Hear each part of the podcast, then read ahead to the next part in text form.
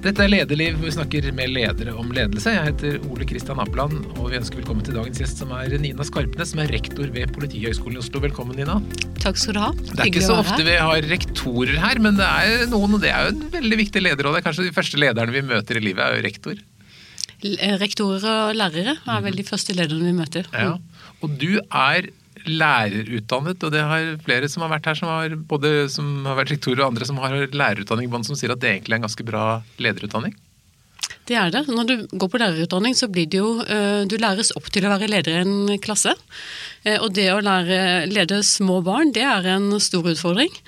Ehm, der du skal både formidle og samtidig klare å være en god rollemodell og holde ro og orden i rekkene. Så det er en veldig god ledertrening i det, å gå på lærerutdanning og jobbe som lærer. Mm. Vi må snakke mer om det, men først, det er ikke alle som kjenner Politihøgskolen. Dere, dere er en stor skole med avdeling flere steder? Vi er en uh, skole med fire campuser. Vi har en i nord, i Bodø. En i Stavern, en i Oslo, der hovedsettet ligger, og så har vi en på Kongsvinger. Hvor mange studenter? Vi har nå uh, Ja, skal vi se. Vi har um, 1400 ca. studenter i bachelorutdanningen til sammen. Og så har vi rundt 3000 som er inne på en eller annen form for videreutdanning i løpet av året. Og så har du blitt master direkt? Og så har vi et par masterprogrammer. Ja, Så gøy. Ja, det er veldig gøy. Og politiutdanning har blitt ganske populært? Politiutdanning har de siste åra vært en på topp fem-liste på Norges mest søkte utdanninger. altså på første, Når vi snakker om førsteprioritetssøkere. Bare slått av juss og Handelshøyskolen. Og det er vi veldig, veldig stolt av. Og hva tenker du det skyldes? Jeg tror nok at uh, mange unge har lyst til å både litt fart og spenning, men også uh, et yrke med et viktig samfunnsmandat. Og så har nok en del av politiseriene som har gått på TV, Nattpatruljen osv., at de ser hvordan, og Hundepatruljen, og ser hvordan politifolk jobber, at det også har litt å, å si. Betyr det at det nå er veldig vanskelig å komme inn? Ja, det er vanskelig å komme inn. Det er stort sett over fem i snitt. Det er litt forskjellig fra de ulike studiestedene. Vi har gått litt ned på antall studieplasser de siste åra, og da blir det enda vanskeligere å komme inn. Hva tenker du om det? At det skal være sånn rent karakterbasert? Burde det vært mer basert på personlig egnethet? Eh, vi måler begge deler. Så først så har vi en, vi har en screening både med ø, psykiske og fysiske opptaksprøver, og så går det på karakter. Eh, karaktersnitt. Så hos oss er det jo både òg. Det er ikke så veldig mange utdanningsprogram i Norge som har en sånn type siling. Så vi tar, tar noen personlighetstester, det er en samspillsøvelse, eh, det er et intervju, eh, og så er det noen fysiske opptaksprøver. Ja, Du blir jo ganske unik da, fordi at du på normale skoler har jo gjerne ikke fysisk tekst til Forsvaret sånn har jo ikke så mye vekt på karakterer. så du, du blir jo ja. liksom... Som, vi får både òg. Ja. Mm. Det betyr at du får veldig bra studenter, da. Ja. Det er gøy. Og det å være politi i dag, det er et krevende yrke. Det er, eh, det er, ikke bare sånn at du må være sterk i armene og kunne løpe fort. Du må kunne begrunne tjenestehandlingene dine. Så det, det, trengs også å ha en god læringskapasitet for å kunne bli en bra polititjenesteperson i dag. Og Hvordan er kjønnsfordelingen på, både på søking og inntak? Da er vi ca. 50-50. Både på søking og inntak. Mm. Ja. Så bra. Ja, det er veldig bra. Så vet jeg at det tidligere har etterlyst flere med, med minoritetsbakgrunn. Har det kommet uh, mer enn årene? Vi har som ambisjon uh, og som målsetting at vi skal ha flere med minoritetsbakgrunn. Uh, og vi, vi, beveger oss langsomt, men vi har altfor få. Det er en av de store utfordringene. Skal vi, ha, vi skal ha et politi som er for alle. Eh, og eh, folk bør kjenne en politi. Eh, og det er, det er vanskelig for oss å få nå ut til de søkergruppene. Så det prøver vi å jobbe veldig målretta med, og med ulike innvandringsorganisasjoner, for at vi skal nå de søkergruppene. Vi skal snakke mer om politiet, men vi må tilbake til starten. Så for din del, Vokste du opp med en drøm om å bli rektor på Politihøgskolen? Nei, det gjorde jeg ikke vet ikke egentlig hva jeg drømte om å bli, men jeg kom fra en lærerslekt, eh, så jeg begynte på lærerskolen i Kristiansand eh, rett etter gymnaset. Og var utdanna lærer da jeg var 21 år. Ehm, og da hadde jeg egentlig en drøm om at eh, da jeg gikk på lærerskolen, så tenkte jeg at jeg hadde lyst til å jobbe på en leirskole. Og gjøre Veldig romantisk drøm med å være ute med unger og fiske og sette krabbeteiner og garn og lære ro og så videre. Ja, det hørtes Ikke sant. Den forsvant sannsynligvis det siste året jeg gikk på lærerskolen. Da bestemte jeg meg for at jeg ville studere videre pedagogikk. Eh, og hadde lyst til å begynne på MB-studiet. Eh, og da måtte jeg jobbe et år. Eh, og på den tiden, dette her er snakk om da på midten av 80-tallet, da var det vanskelig å få lærerjobb i Oslo. men jeg ville flytte til Oslo.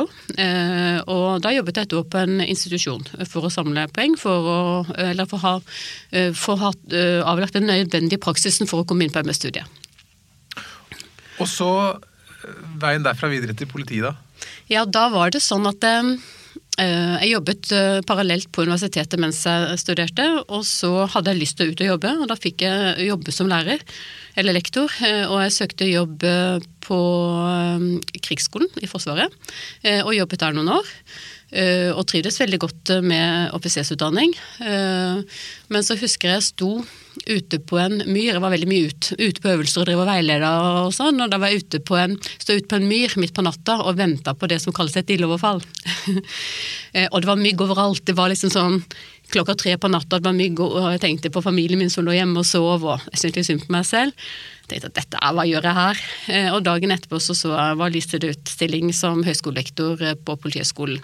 Og da tenkte jeg at ja, kanskje jeg skal flytte meg fra myra til gata. Ja. Mm. Men det er jo veldig tøffe. Det er ganske macho ting begge deler, både krigsskolen og politihøgskolen? Ja, i hvert fall, i hvert fall uniformerte yrker. Mm. Eh, og det var en veldig fin erfaring å jobbe i Forsvaret. Jeg har hatt stor glede av, eh, av det. Det var Um, fint å jobbe sammen med offiserene der. Jeg hadde med meg mye av det, og det jeg lærte om å undervise voksne mennesker. Det hadde jeg med meg inn da jeg begynte som høyskolelektor på Politihøgskolen. Mm. Du, da, altså du er du har jo da undervist i ledelse og pedagogikk. Mm. og Når da kommer, så går det litt oppover, så blir du leder, liksom sjefen på skolen. Hvordan tenker du da at du skal angripe den? Hvordan, du, hvordan skal du være den perfekte lederen da på skolen? Ja, Det er i hvert fall ikke å holde en teoretisk ramme for seg selv. Eh, det er å være seg selv um, uten å prøve å bruke så veldig mange teoretiske modeller. Det tror jeg nok har vært viktig for meg. Og så det var litt interessant, fordi du lærer folk masse teoretiske modeller, men du sier at man skal ja. forholde seg til det. og, sant, at Veldig mange av disse modellene man lærer når man studerer eh, organisasjonsteori og ledelse, de er jo internalisert etter hvert. Eh, så det er mange, og jeg bruker nok helt sikkert en god del av de begrepene jeg undervist i, eh, men når man utøver sin egen ledergjerning, så handler det jo veldig mye om å se folk. behandle folk skikkelig, ha klare ambisjoner og mål som man vil sette fart på. Um, og så er det nok uh, av og til at jeg kan bruke noen av modellene kanskje mer sånn for å forstå hva som skjer enten innad i organisasjonen eller organisasjonen i en større sammenheng.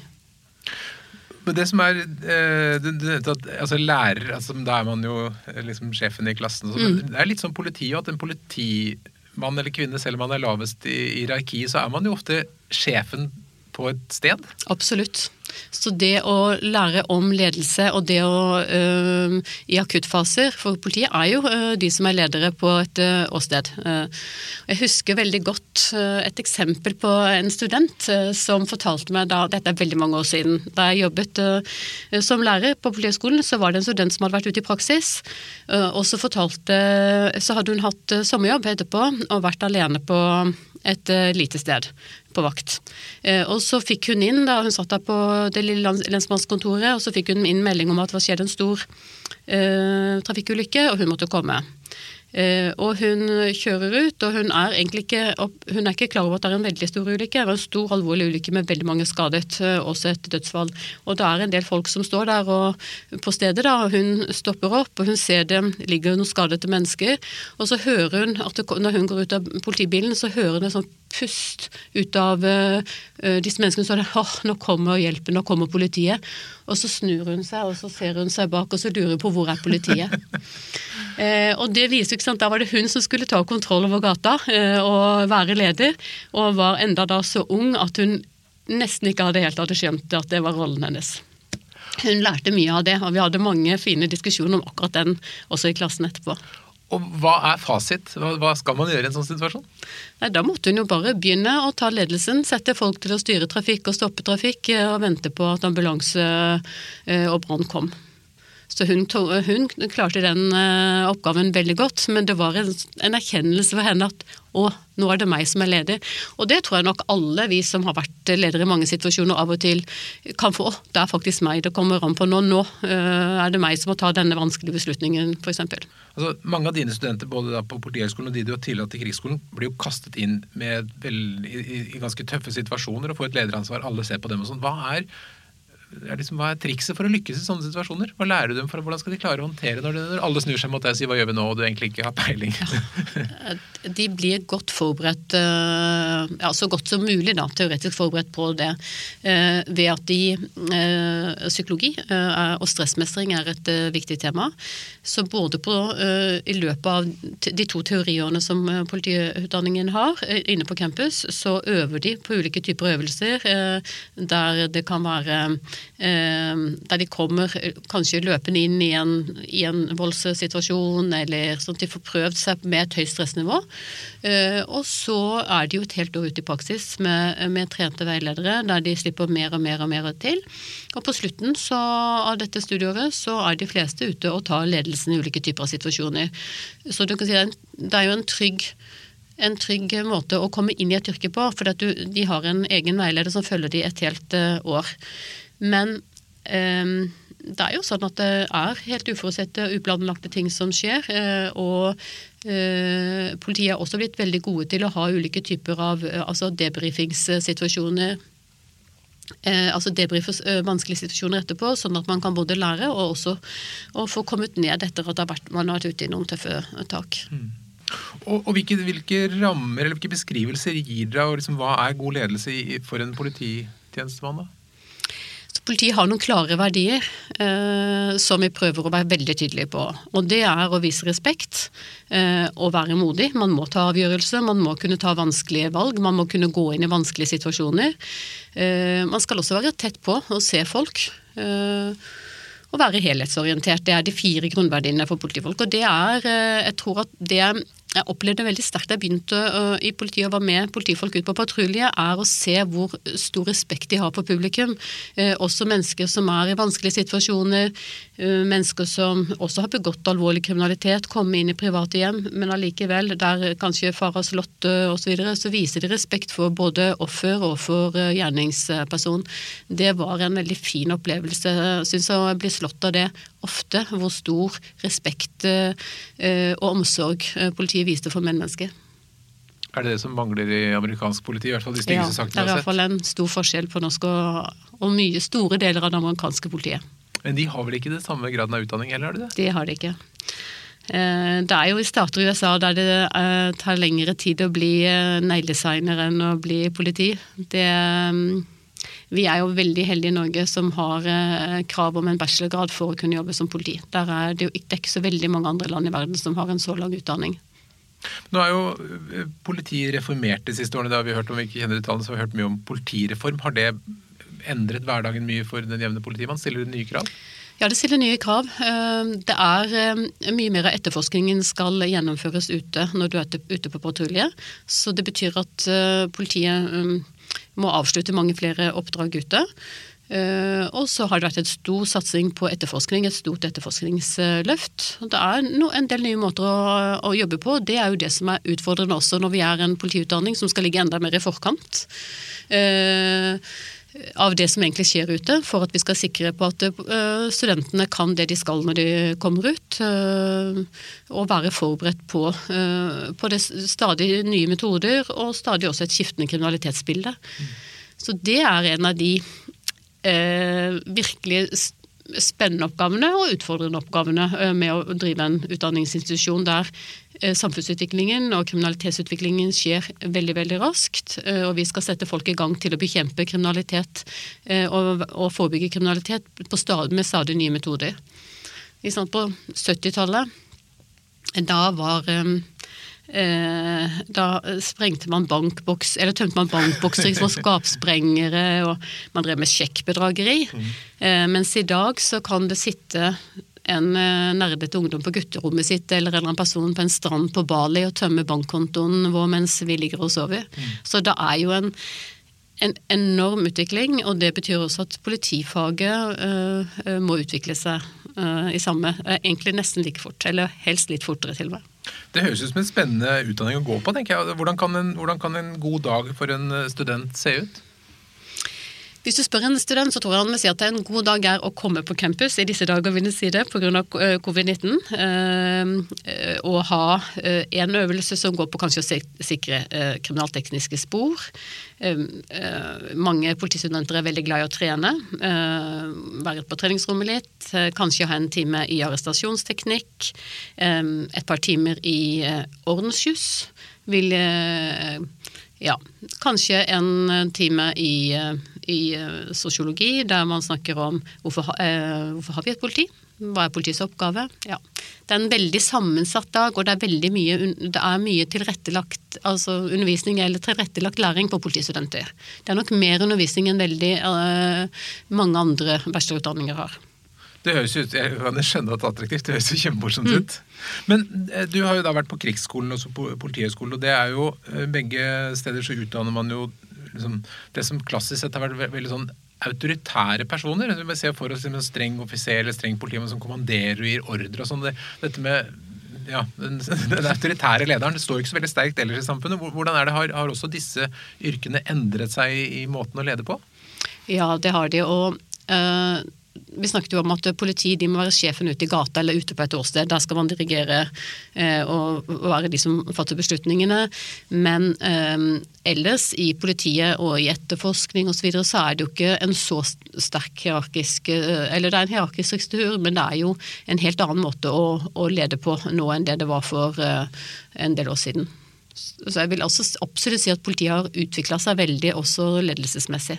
Og har hatt veldig fokus på lederutvikling. Mm, gir det noen utfordringer? At man er liksom i, i endring fra en veldig sånn klassisk uh, autoritærkultur til en mer annen måte å lede på? Ja, vi, vi, kan i hvert fall se at ungdoms... Uh, jeg tror nok at de yngre tjenestepersonene og studentene som vi har, de forventer et annet type lederskap kanskje enn man gjorde for noen år siden.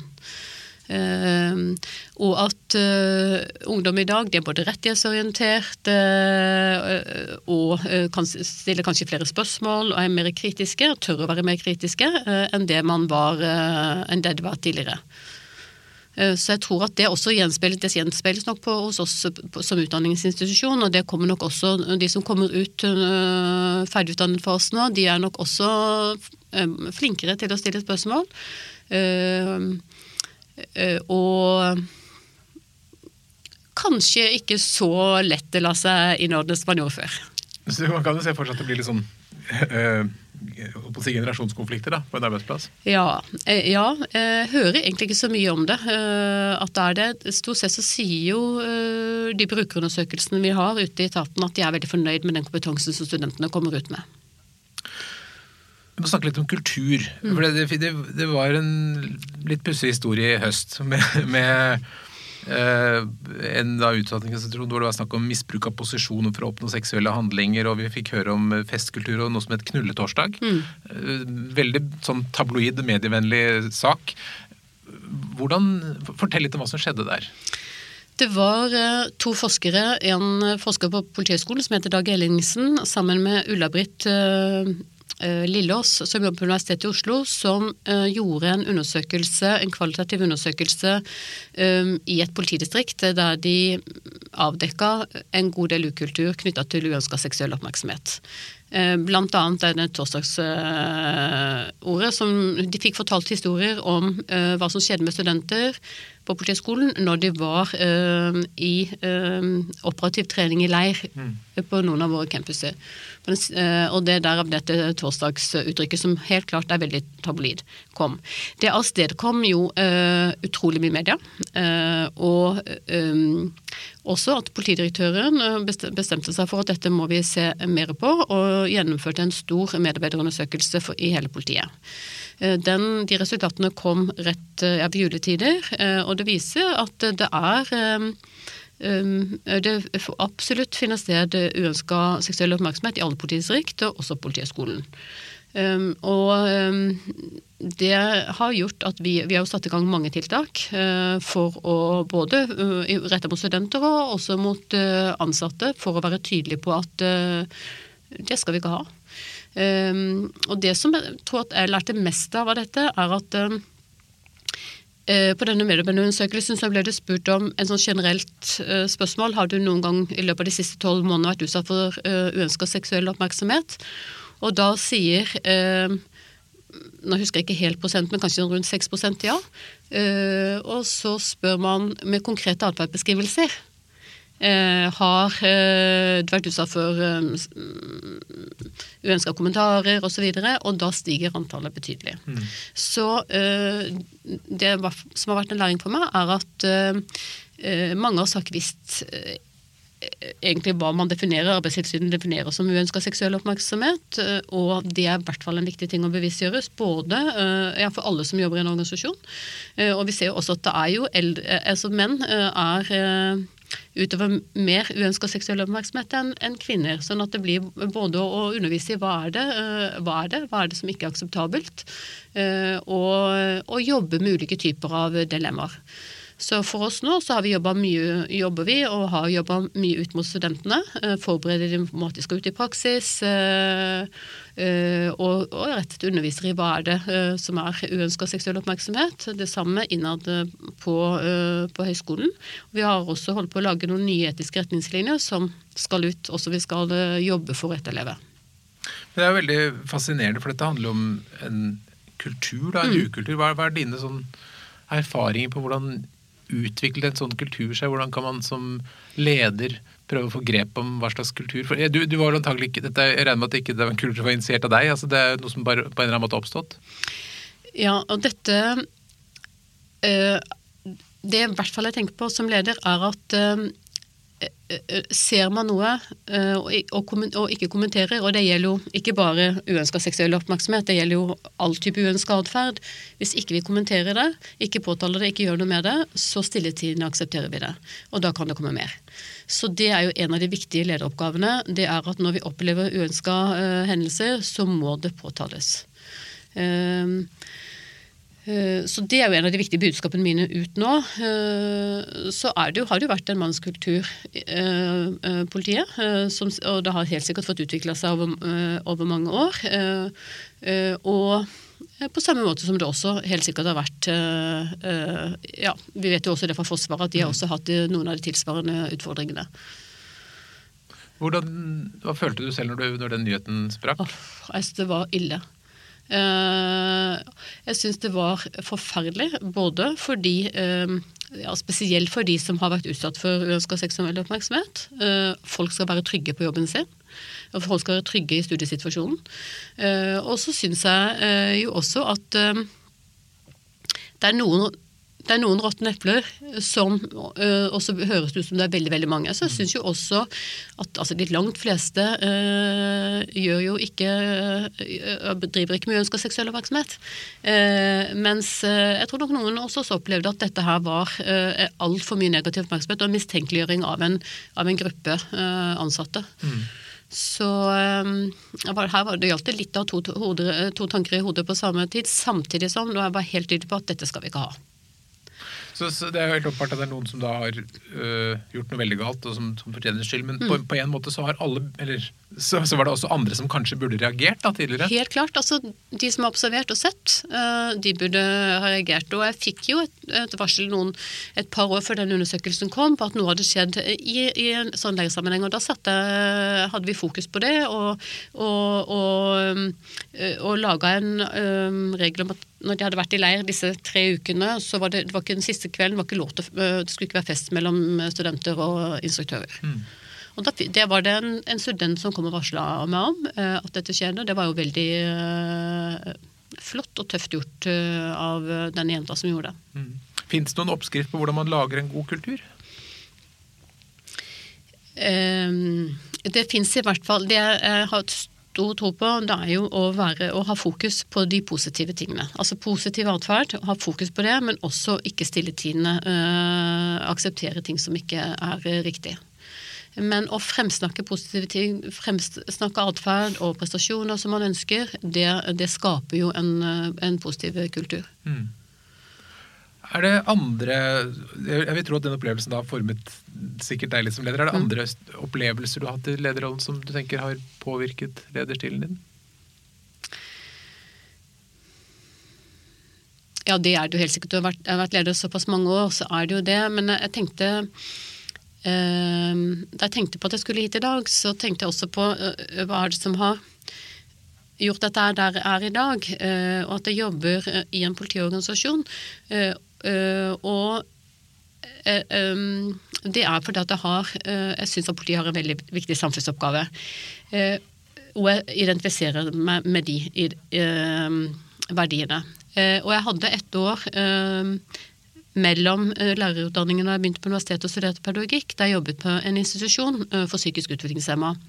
Og den eh, institusjonen den ble drevet etter rene atferdsteoretiske prinsipper. Og i løpet av det året så skjønte jeg at her kan jeg ikke jobbe, disse verdiene identifiserer ikke jeg meg med. Det må du forklare litt mer, for hva menes med atferdsteoretiske prinsipper? Ja, altså det er belønning og straff. Ja.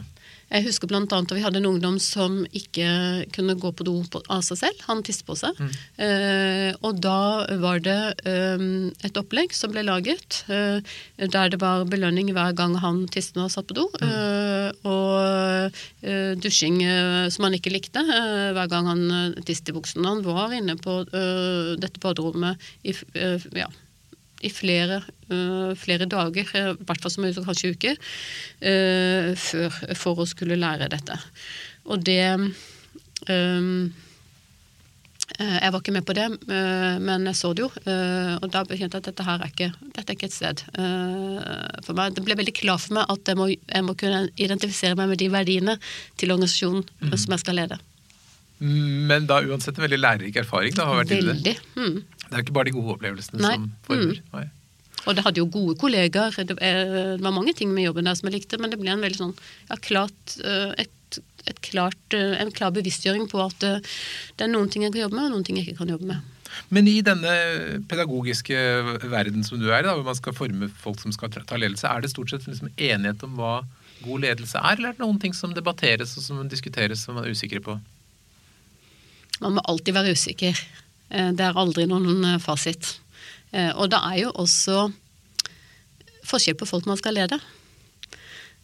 Og det Så jeg tror at når man driver med lederutdanning, og når man er leder selv, så må man alltid ta ledelse opp til diskusjon, både som kollegium, men også i seg selv.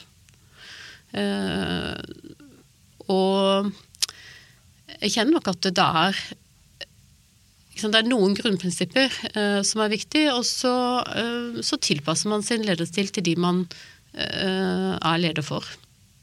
Så tenker du da at man kan være si, god leder for noen og dårlig for noen andre? Altså, jeg tror de fleste ønsker å være leder i sitt eget gebet. Altså, i hvert fall jeg prøver å vise Jeg har I mitt eget lederskap så ønsker jeg å gi stor tillit, og at folk har 100% ansvar under meg. Og de skal vite at jeg skal stå og backe de hvis de trør feil, mm. men ønsker også at de skal si ifra hvis det er et eller annet som begynner å blåse. Eh, og eh, de fleste som har lyst til å være ledere, de tror at liker det. Det kan være en liten treningssak, mm. at man må ha litt veiledning innledningsvis, men veldig mange liker det, liker det når du først skal være leder, at du da skal få styre ditt eget område. område. Og er det et prinsipp som er fullt utbredt i politiet, f.eks.? Det varierer helt sikkert litt, litt avhengig av hvilket område man er på. Mm. Hvilke dilemmaer er det du føler på i, i jobben din og i ditt daglige virke? Det er i hvert fall et dilemma å se folk nok. Eh, fordi eh, det er jo litt som å være lærer. Eh, også voksne folk liker å bli sett. Også ledere liker å bli sett. Eh, og det er eh, en, en, en hverdag med der veldig, veldig mye skjer. Eh, og det er eh, mange liker å bli sett eh, av øverste leder og bli husket av øverste leder osv. Og, og det å, å ha tid og, til det, og tid til å småprate med folk, uh, høre hva som skjer, Uh, det er en av de dilemmaene. Altså, og det er hvor mye skal man bruke inn, og hvor mye skal man bruke ut. Føler du at du ikke får nok tid til å være sammen med studenter og lærere? Ja, jeg føler alltid. Mm. Men er det slik at du kjenner mange av studentene ved navn? Nei, det gjør jeg ikke. Jeg kjenner eh, stort sett de som er studenttillitsvalgte eh, med navn. Ja, de kjenner jeg med navn. Og så eh, eh, er det studenter som kommer opp i et eller annet trøbbel. sånn, er det. sånn er det å være rektor. Rektor kjenner de vanskeligste barna Og så eh, er det ja, eh, I ikke-koronatider så er jeg av og til på treningsrommet og, og småprater litt med noen hvis jeg, og sånn. Men ellers så er det ikke sånn veldig mye direkte kontakt med studentene. Det går gjennom de studenttilsvalgte. Mm. Det er jo også en viktig eh, oppgave for studenter å lære at de skal ta, saker tjenestevei. Ja, det er en viktig læring, helt klart. Eh, når er du stolt av eh, jobben din? Jeg er veldig stolt av, av de ansatte når de leverer, eh, når studentene er fornøyd med undervisninga, når de leverer nye, eh, prøver ut nye undervisningsmetoder. Jeg er veldig stolt av eh, de, når de leverer uh, nye forskningsartikler som blir antatt. Eh, jeg er kjempestolt når vi har ansatt som tar doktorgrad. Gleder meg når vi får en ansatt som blir, blir professor. Eh, ja, det er veldig mange store og små gleder. Eh, senest i går så snakka jeg med en student som går i jeg traff en student som går i tredje klasse i porten, og som fortalte meg spurte liksom, hvordan går det Og, og- og det jo, har jo vært nesten ikke noe undervisning i Oslo nå for flere måneder pga. covid-19, men han hadde vært da eh, ute på operativ trening i leir i tre uker, og kom nettopp derfra da og hadde hatt det så fint. Eh, og pga. smittevernhensyn så hadde de ikke hatt lov til å reise hjem i disse, løpet av disse tre ukene. Jeg spurte liksom var det slitsomt å være i leir eh, i tre uker. Nei, kjempefint. Vi har vært så sosialt deprivert at nå er det jo eh, veldig, var det bare kjempefint å være sammen med medstudentene. Og liksom, ja, Var det ikke bare kaldt på skytebanen da? Og jeg har vært fryktelig kaldt i det siste. Ja, det var litt kaldt, men det var veldig gøy. Og da blir jeg glad. Så bra. Mm. Men eh, du snakket om at du, du blir stolt når eh, folk er fornøyde. Dere har blitt, blitt evaluert. Hvordan gikk det? Ja, på Studiebarometeret. Mm. Det kom i dag. Um, og Politihøgskolestudentene har de, Så lenge vi har vært med eh, i Studiebarometeret, så har Politihøgskolestudentene alltid alt vært eh, jeg tror jeg er blant Norges mest fornøyde studenter.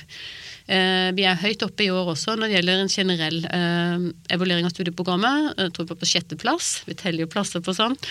Mens var, eh, studentene våre var de som, av studentene i Norge som var mest misfornøyd med situasjonen i vår etter da Norge ble stengt ned.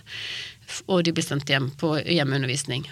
Og ehm, det var ikke så veldig overraskende, for politiutdanningen er jo veldig praktisk. Eh, Det er eh, mye fysisk trening, mange øvelser, eh, og mange av studentene syns nok at det å komme hjem da og sitte foran PC-skjermen på undervisning, at det var veldig tungt.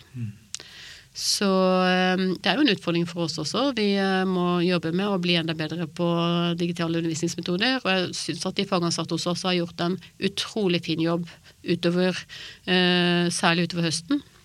Så vi har en undersøkelse uh, nå om covid-19-høsten hos, eh, blant studentene, der resultatene kommer om ikke så veldig lenge. Så det blir spennende å se. Jeg håper at de resultatene er litt uh, bedre, for det syns jeg at eh, fagpersonalet vårt eh, virkelig fortjener. For de har eh, tatt store digitale skritt eh, i denne tida. Ja, for det er ikke bare negative erfaringer. Du må ha tatt noen Nei, og det er jo uh, lærere som virkelig har uh, laga fantastiske undervisningsopp, digitale undervisningsopplegg. Uh, der man gjennomfører etterforskning, uh, prøver å sikre kriminaltekniske spor, bl.a. Uh, i et eh, digitalt rom. Det er eh, veldig fascinerende å se hva kreativiteten kan eh, gjøre. Eh, Det får jeg nesten lyst til å søke her. Det er Ja, veldig gøy. um, du er jo også med i, i et, um, bidrar til som sakkyndig i Nasjonalt organ for kvalitet i utdanning. Veldig sånne store ting. Mm. Er, er, er du, syns du, hva syns du om nivået på, på utdanning sånn generelt på, der hvor du er involvert? Er vi gode nok? Ja, jeg syns at det har vært eh, som sakkyndig for NOKUT eh, på i flere evalueringer. Da handler det om å evaluere uh, hvordan man sikrer kvaliteten på de ulike utdanningsinstitusjonene. Og jeg syns at det gjøres et utrolig fint arbeid. Det er høy kvalitet på norsk utdanning.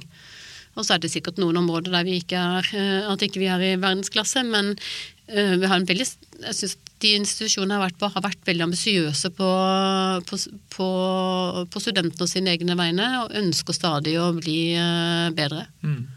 Nå har vi jo eh, stadig oftere de siste årene sett at politiet har blitt bevæpnet i perioder. Hva Mm. tenker du om det? Det er en stor debatt. Og vi har jo frem til egentlig nå de siste året hatt et helt altså et, Og vi har det jo egentlig per i dag òg, et politi som er ubevæpna. Um, og så er det jo en helt annen trusselsituasjon nå enn uh, det det var for noen år siden. Uh, og det gjør at uh, politidirektøren har bestemt at man i perioder skal være bevæpna på fast basis. og det jeg kan si er at vi forbereder studentene våre på både å være ubevæpna og å være bevæpna. Hvilke krav stiller det å være bevæpnet? Du må uh, ha bestått uh, operativ trening på Politihøgskolen. Uh, da er det også Du må håndtere både enhånds- og tohåndsvåpen. Eh, og så er det sånn at For at du skal være bevæpnet ute i politiet, så må du gjennomføre eh, en trening og en skytetest hvert år. Men sånn mer mentalt, altså, hva, hva, hvilke, hvilke, nye krav stiller du deg når du plutselig går med et våpen i beltet? Ja, det, eh, det, øver vi også på. Først så må du kjenne våpenloven godt. Og du må jo også psykisk være forberedt på at du både skal kunne true med å trekke våpen, trekke våpen, og faktisk også komme i situasjoner da du må fyre av. Det er jo veldig uh, alvorlig. og jeg tror veldig mange av studentene kjenner på det. Vi kjører, driver med øvelser som vi kaller for også pågående livstruende vold. Eh, F.eks. skoleskyting. Det øver vi på. Eh, og det er klart det er høy, høy spenningsnivå i, i kroppen for studentene når de øver eh, på sånne situasjoner. Selv om ikke de har skarpt i beltet da. Har du inntrykk av at mange ville foretrekke å være bevæpnet? Altså, Politiforbundet gjorde en undersøkelse for Politiets Fellesforbund gjorde en undersøkelse for noen år siden der det store flertallet ønsker å være bevæpna. Hva tenker du selv? Ehm, jeg forholder meg til det lovverket som er og de bestemmelsene som er. Så Vi skal alltid kunne undervise i eh, både et fast bevæpna politi og et, et, politi som ikke vil være fast bevæpna. Er det mange ubevæpnede politi i verden? Nei, det er ikke mange land som ikke har et bevæpna politi eh, på fast basis i dag. Det er eh, et jeg mener at New Zealand har et ubevæpna politi. Og så um, er det jo en del polititjenestemenn i, i, i England som ikke er bevæpna, men de har jo innsatsstyrker som er mye nærmere enn det vi har, da. Mm. Så der er vi et litt annerledes land? Det er vi. Um, du, har, du, leverer jo da ut fantastiske studenter. Hvordan er jo arbeidsmarkedet for uh, unge nyutdannede? Det har eh, en periode vært eh, veldig vanskelig. De har stått og venta en god stund. Akkurat nå er, eh, kom det nye tall ved juletider fra Politidirektoratet. og Da viser vel at ca. 85% av de som var utdanna i, i, fjor, er i jobb i politiet nå. Og det stiger litt, sånn at det var nesten var det 94% av de som var utdanna i 2018 som er i jobb. Så det er vi jo kjempefornøyd med. Er det slik at alle ønsker å bli politi etter å være ferdig? Ja, nesten alle gjør det. det, er, det er eh, ja, eh, det er veldig få som ombestemmer seg i løpet av eh, de tre åra. Vi har veldig lite frafall, rett og slett. Og hvordan er det i, når de har jobbet? vet du det? Blir, det, blir alle i jobben? Ja, det er mange, veldig mange som blir i, i, jobb gjennom hele karrieren. Kanskje de er ute et par-tre år, og så kommer de, mange kommer tilbake igjen. Så det er åpenbart en spennende karriere? Ja, og en, en utdanning som du kan jobbe med mye forskjellig. Det er jo ikke sånn at alle som jobber i politiet, er de du forbinder med politiet, med folk som sitter i politibil og hopper ut og styrer trafikken, eller uh, går på og ordner opp i roorden, eller ordensforstyrrelser. Det er, Man kan være etterforsker, man kan forebygge. Man kan jobbe som livvakt, man kan gjøre reise um, utenlandstjeneste. Det er mange, mange spennende jobber. Mm. Mm. Hvis det kommer en ung person til deg, Nina, som sier jeg vil gjerne være en god leder, hvilke tre råd vil du gi til en person som da Jeg vil i hvert fall si at du skal utnytte talentene dine. Um, og tenker, tenker, sånn om mennesker at vi har, vi, født, vi har, mange Vi har et stort potensial. Vi har egentlig mange med talenter, og det er sånn at vi, de fleste av oss, uh, vi utnytter ikke talentene våre uh, godt nok. Altså vi, vi, presser ikke grensene våre for mye. Så det er noe å tenke på hvilke talenter har du lyst til å utvikle, og utvikle de. Og stol på at du kan det. Um, pleier å si til studentene at um, jeg kan um, aldri bli så god til å gå på ski som uh, Therese Johaug, men jeg kan bli mye bedre enn det jeg er i dag. Uh, og sånn gjelder på veldig mange områder. Så det er liksom tenke, hvilke, hva vil du bli god på, og jobb, jobb, jobb for å bli god på det. Og så er det uh, en ting som jeg syns er veldig viktig. Jeg husker jeg fikk et råd fra uh, en gammel uh, politimester som for mange år siden som sa det at han hadde gjort det til sin leveregel, at han tenkte over tjenestehandlingene sine og sin jobb som leder, om ikke daglig, så i hvert fall flere ganger i uka. Og det prøver jeg også å gjøre. Det er, og det å reflektere over egen lederpraksis, reflektere over hvordan man er i møte med andre mennesker, det å kjenne på det indre kompasset og se om du må endre litt kurs, det tror jeg er et viktig råd. Også sånn at Jeg husker jeg leste et intervju med, med Lucy Smith, som var rektor, jeg tror den første kvinnelige rektoren på Universitetet i Oslo. Som på midten av 90-tallet. Og hun ble spurt om et råd, og da var det et råd til unge kvinner. Da jeg tror hun også var den første kvinnen i Norge som tok en juridisk doktorgrad, så hun var jo en foregangsdame. Og da sa hun det at ja, et av de rådene hun ville være ta de mulighetene du får. Men du, ikke si nei til alt. Men du bør ikke ta alle mulighetene med en gang. Eh, og det tenker jeg også er et, eh, et, godt råd. Eh, men man må ikke si nei til alt, alle de mulighetene man får, for da får man muligheter. Blir man spurt om noe, så er det jo folk som ser en og ser at en har et potensial og som tror på en, og da skal man også gripe noen sjanser. Det er en veldig fin ja. avslutning.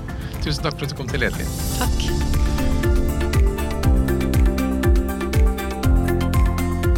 Lederliv er en podkast fra Apeland. Redaksjonen består av Ellen Paulsen, Lars Jarlemelium, Lars Volden og meg, som heter Ole Kristian Apeland. Hvis du vil høre mer, så trykk abonner. Da får du varsel når det kommer nye episoder. Og hvis du har noen tips, så send en e-post til tips at eller til meg, ole. Takk for at du lytter.